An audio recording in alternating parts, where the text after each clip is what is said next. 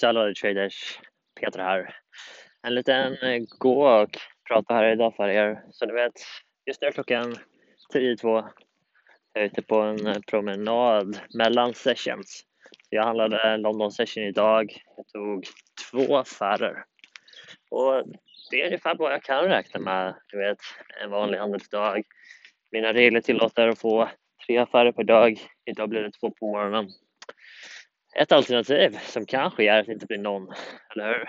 Ett annat alternativ är att alla tre som jag får lov att ta på en dag kommer på morgonen. Men idag blir det två. Så idag blir det New York session på eftermiddagen. Så New York-börsen öppnar 15.30 vilket innebär att det är ungefär en och en halv timme till öppning. Fint väder idag här uppe på västkusten. Och man får ta vara på det, det. Sitt inte vid datorn. Här är en lektion eller en lärdom från idag. Så det är väldigt många gör att sitta för mycket vid datorn. Sitter du där så kan du göra någonting. Eller Ett bra tips för det är att hålla er undan. Sitt så lite som möjligt. Gör det som ska göras och gå sen därifrån.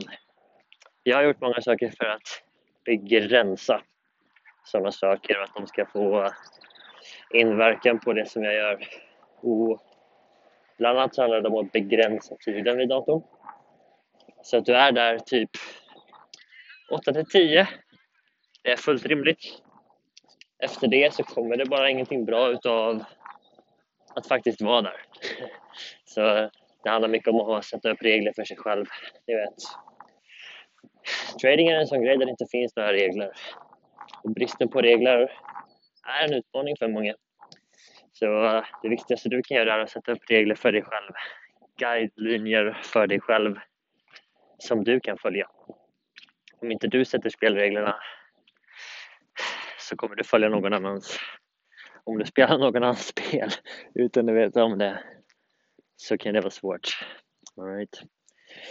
Så uh, idag, det var en bra start på dagen. Första affären gick precis som planerat. Följde varenda regel i boken. Trade nummer två gjorde jag ett misstag. Jag tog en trade och jag placerade alla mina trades via domrutan, Depth of Market. Precis när jag tryckte buy så eh, blev det någon form av glitch. Så orden placerades inte så jag tryckte igen. Och igen. Och ungefär en sekund efter jag tryckte sista gången så öppnades fyra ordrar. Hej. Uh, väldigt, jag tror inte det har hänt mig någon innan, men just den här gången så det blev fyra stycken affärer istället för en. På en gång, vilket ledde till att min entry blev inte riktigt som planerad. Jag planerar alltid för att göra fler än en entry. Jag köper inte bara en gång. Men att köpa alla på ett ställe till samma pris gör att ingången inte blev precis där jag vill ha den. Och i det här fallet så eh, blev det ändå ett positivt utfall på traden. Men istället för en vinst som jag skulle haft om jag hade haft min entry på ett korrekt sätt så hade vinsten varit på cirka 22 000. Nu blev den på 7. Så eh, det kostade mig runt 15 000 att trycka på knappen på fel sätt. Hej, i sådana här lägen kan man skylla på plattformar. Man kan skylla på glitch. Kan beskylla mäklaren. Men i slutändan så handlar det om att ta kontroll och ta ansvar. Där du placerar skulden, där placerar du också kontrollen.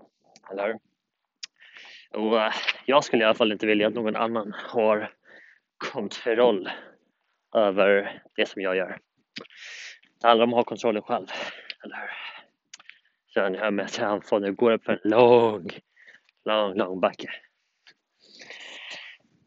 Här är en del av preppet inför New York session i eftermiddag. All right. Så så ser det ut idag. Hoppas det var ett bra, bra lärdomar där för er. Vi hörs snart igen. Det här är Traderkanalen, en podd om valutahandel med Peter Svahn.